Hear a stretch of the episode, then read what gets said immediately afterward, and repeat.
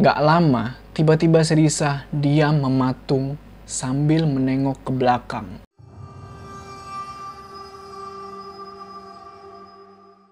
Assalamualaikum teman-teman, balik lagi sama gue Jo.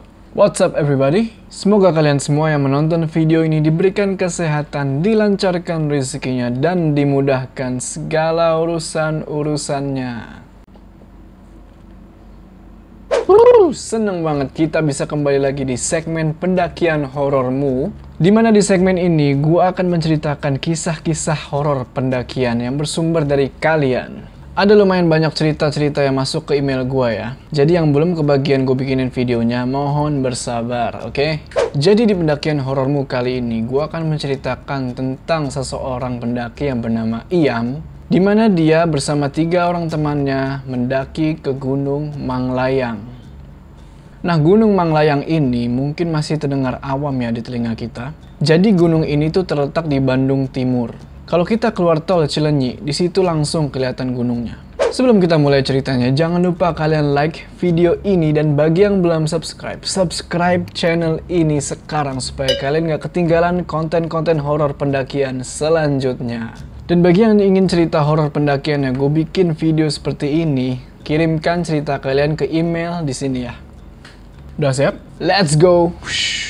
Pada tanggal 21 September malam, ia memutuskan untuk mengajak teman-teman kampusnya untuk mendaki Gunung Manglayang di keesokan paginya, yaitu tanggal 22 September. Mereka berencana untuk tektok di gunung itu. Tektok itu artinya mereka naik sampai puncak terus langsung turun lagi tanpa nginep. Akhirnya terkumpullah tim yang berisikan enam orang, yaitu tiga orang cowok dan tiga orang cewek. Dan dibuatlah grup WA kan grup WhatsApp untuk membahas hal itu.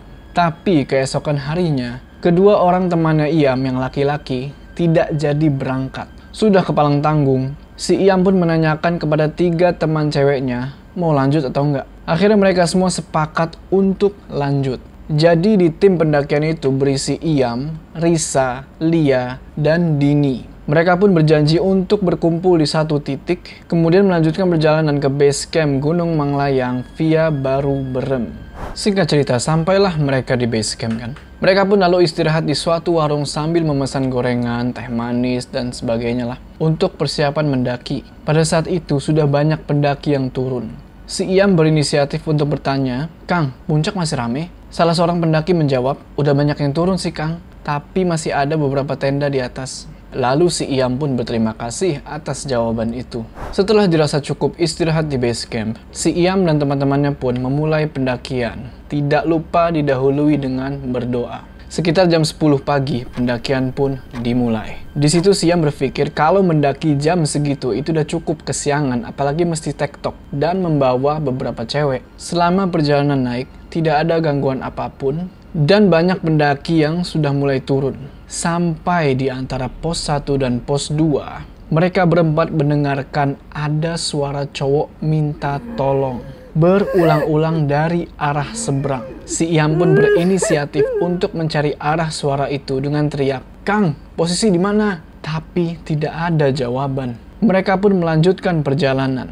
Pikir mereka dari jalur lain sudah ada yang menolong orang tersebut. Sampai sebelum di pos 2, kembali ada suara teriak tolong dan posisinya itu masih sama yaitu dari arah seberang. Di situ juga ada grup pendaki lain yang sedang turun. Si Iam pun kembali teriak, "Kenapa, Kang? Posisi di mana?" Mencari keberadaan suara itu, tapi tetap tidak ada jawaban. Lalu salah satu anggota pendaki dari grup yang sedang turun itu ngomong, "Dari tadi itu, Kang, sepanjang kita turun ada yang minta tolong suara cowok tapi di atas mah cuma sisa dua tenda doang. Terus itu jalurnya di seberang juga. Kami jawab suara cowok itu, tapi nggak ada respon. Si Iam bilang, tadi sebelum ke sini saya juga denger suara minta tolong itu. Tapi begitu saya panggil ke arah suara itu, nggak ada jawaban. Pendaki lain bilang, bercanda kali itu ah. Setelah suara minta tolong itu hilang, para pendaki itu pun turun, si Iam dan timnya pun melanjutkan perjalanan naik. Itu adalah suara minta tolong terakhir yang mereka dengar. Setelah itu, mereka tidak mendengarkan suara itu lagi. Singkat cerita, sampailah mereka di percabangan. Puncak bayangan ke kiri, puncak mengelayang ke kanan. Waktu di situ sudah menunjukkan pukul 1 siang. Dan ada kelompok lain yang sedang turun bertanya, mau ke puncak kang? Ngecamp? Di atas sudah sepi soalnya. Si Iam menjawab, enggak kang, kita mau tektok. Ini bawa tenda cuman buat istirahat di atas. Setelah itu, si Iam pun bertanya kepada timnya, mau ke puncak bayangan atau ke puncak Manglayang? Lalu mereka semua pun sepakat untuk menuju ke puncak Manglayang. Mereka pun melanjutkan perjalanan ke puncak Manglayang. Setelah 15 menit berjalan, mereka istirahat karena yang cewek sudah pada kecapean. Mereka istirahat di tempat di mana banyak pohon besar yang ditumbuhi lumut. Di sini si Iam punya firasat yang gak enak. Tiba-tiba Lia ngomong, Iam, itu kok ada buntut kuda goyang-goyang? Iam pun bilang, buntut kuda? Bukan, akar pohon itu. Yuk lanjut, istirahat di puncak aja, jangan di sini. Iam menjawab seperti itu supaya teman-temannya itu nggak ada yang suges negatif. Padahal mungkin itu bukan akar pohon. Tibalah mereka di puncak jam 2 sore. Puncak cukup luas dan dikelilingi oleh pohon-pohon besar serta ada satu makam di situ. Di puncak itu ada percabangan, yaitu percabangan bagi yang naik dari jalur batu kuda dan percabangan bagi yang naik dari baru berem. Di puncak, yang ngecamp itu udah nggak ada. Tapi ada dua kelompok. Kelompok pertama, ibu-ibu dan bapak-bapak yang jumlahnya kurang lebih 10 orang lah. Dan kelompok dua yang terdiri dari tiga orang pria. Baru si Iam mau membuka tenda. Ternyata dia lupa bawa frame sama pasaknya. Ya udahlah kan. Akhirnya mereka pun lesehan sambil makan siang terlebih dahulu sebelum foto-foto. Dua kelompok yang masih di atas tadi turun melalui jalur batu kuda. Nah, di sini mulai muncul gangguan-gangguan. Mereka baru bercerita mengenai gangguan-gangguan ini ketika sudah turun gunung, bukan ketika mereka masih ada di puncak. Gangguan yang pertama diceritakan oleh Lia dan Dini, di mana saat mereka berfoto-foto, seperti ada yang menimpuk dengan batu-batu kecil ke dekat pelang yang bertuliskan Puncak Manglayang.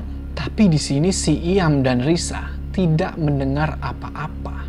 Gangguan kedua adalah si Iam yang mengalami sendiri. Di mana ketika tiga temannya itu sedang berfoto-foto, si Iam duduk di atas tenda yang tidak dipasang, jadi dibentangin kayak gitu aja jadi alas. Iam mendengar seperti ada suara kresek-kresek gitulah, kayak daun di kresek gitu kan. Di semak-semak di balik pelang tulisan puncak Manglayang itu.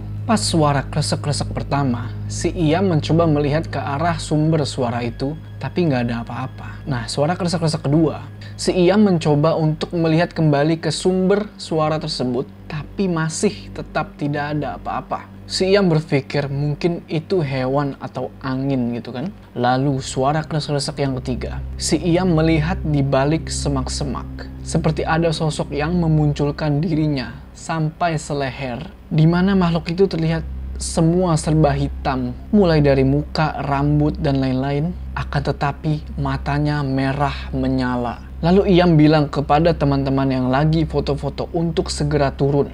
Tapi mereka malah tidak menghiraukan. Setelah mereka bertiga selesai foto-foto dan duduk, suara kresek-kresek itu kembali terdengar. Iam tidak mau melihat ke arah sumber suara itu. Tapi si Lia menoleh ke arah sumber suara itu. Gak lama, Lia langsung menoleh lagi ke arah si Iam dan bilang, Ayo turun sekarang aja. Ayo rapiin semuanya, langsung turun. Mereka berempat pun siap-siap turun. Sampah segala macam sudah diberesin untuk dibawa ke bawah. Tidak lupa sebelum turun mereka berdoa. Setelah berdoa, mereka pun turun dengan formasi yaitu si Lia di paling depan sebagai leader, diikuti Risa dan Dini, dan terakhir ditutup oleh si Iam sebagai sweeper. Baru turun empat langkah. Terdengar suara geraman seperti orang dewasa yang menggeram dua kali. Suara siapa? Padahal mereka itu kelompok terakhir yang turun, tidak ada pendaki lain. Lia dan Dini pun merasa takut di sini. Suara itu berat dan parau, menandakan seperti tidak suka dengan kehadiran mereka berempat. Mereka semua mendengar suara itu, tapi hanya si Iam yang mendengar suara itu dari arah sebelah kirinya. Di sini Iam pun mengambil posisi sebagai leader menggantikan si Lia. Iam berusaha positive thinking, mungkin itu suara babi, tapi mana ada suara babi seperti itu. Iam pun menyuruh mereka bertiga untuk fokus turun sambil terus memanjatkan doa.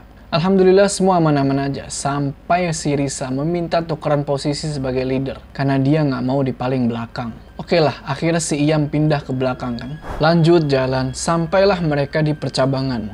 Dan mereka pun mengambil jalur yang ke arah kiri. Gak lama, tiba-tiba si Risa diam mematung sambil menengok ke belakang.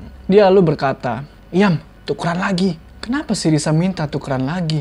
Ternyata di situ dia ketakutan. Di situ dia mendengar seperti ada suara geraman macan. Dan hanya si Risa yang mendengar suara itu.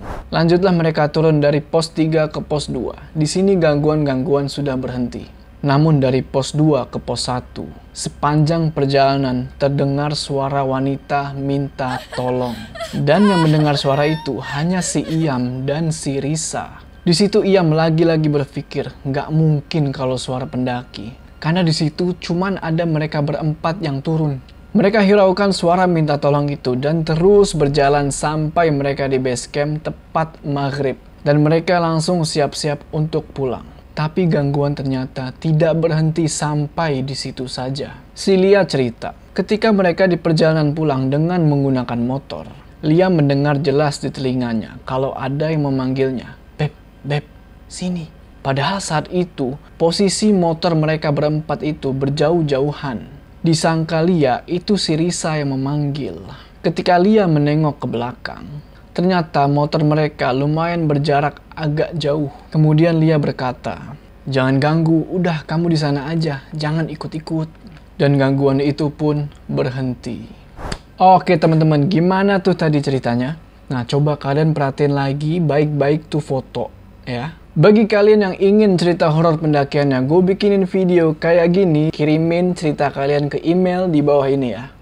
Jangan lupa like video ini dan bagi yang belum subscribe, subscribe channel ini sekarang supaya kalian gak ketinggalan konten-konten horor pendaki lainnya. Seperti biasa, gue Joe. Sampai ketemu di cerita horor pendaki selanjutnya.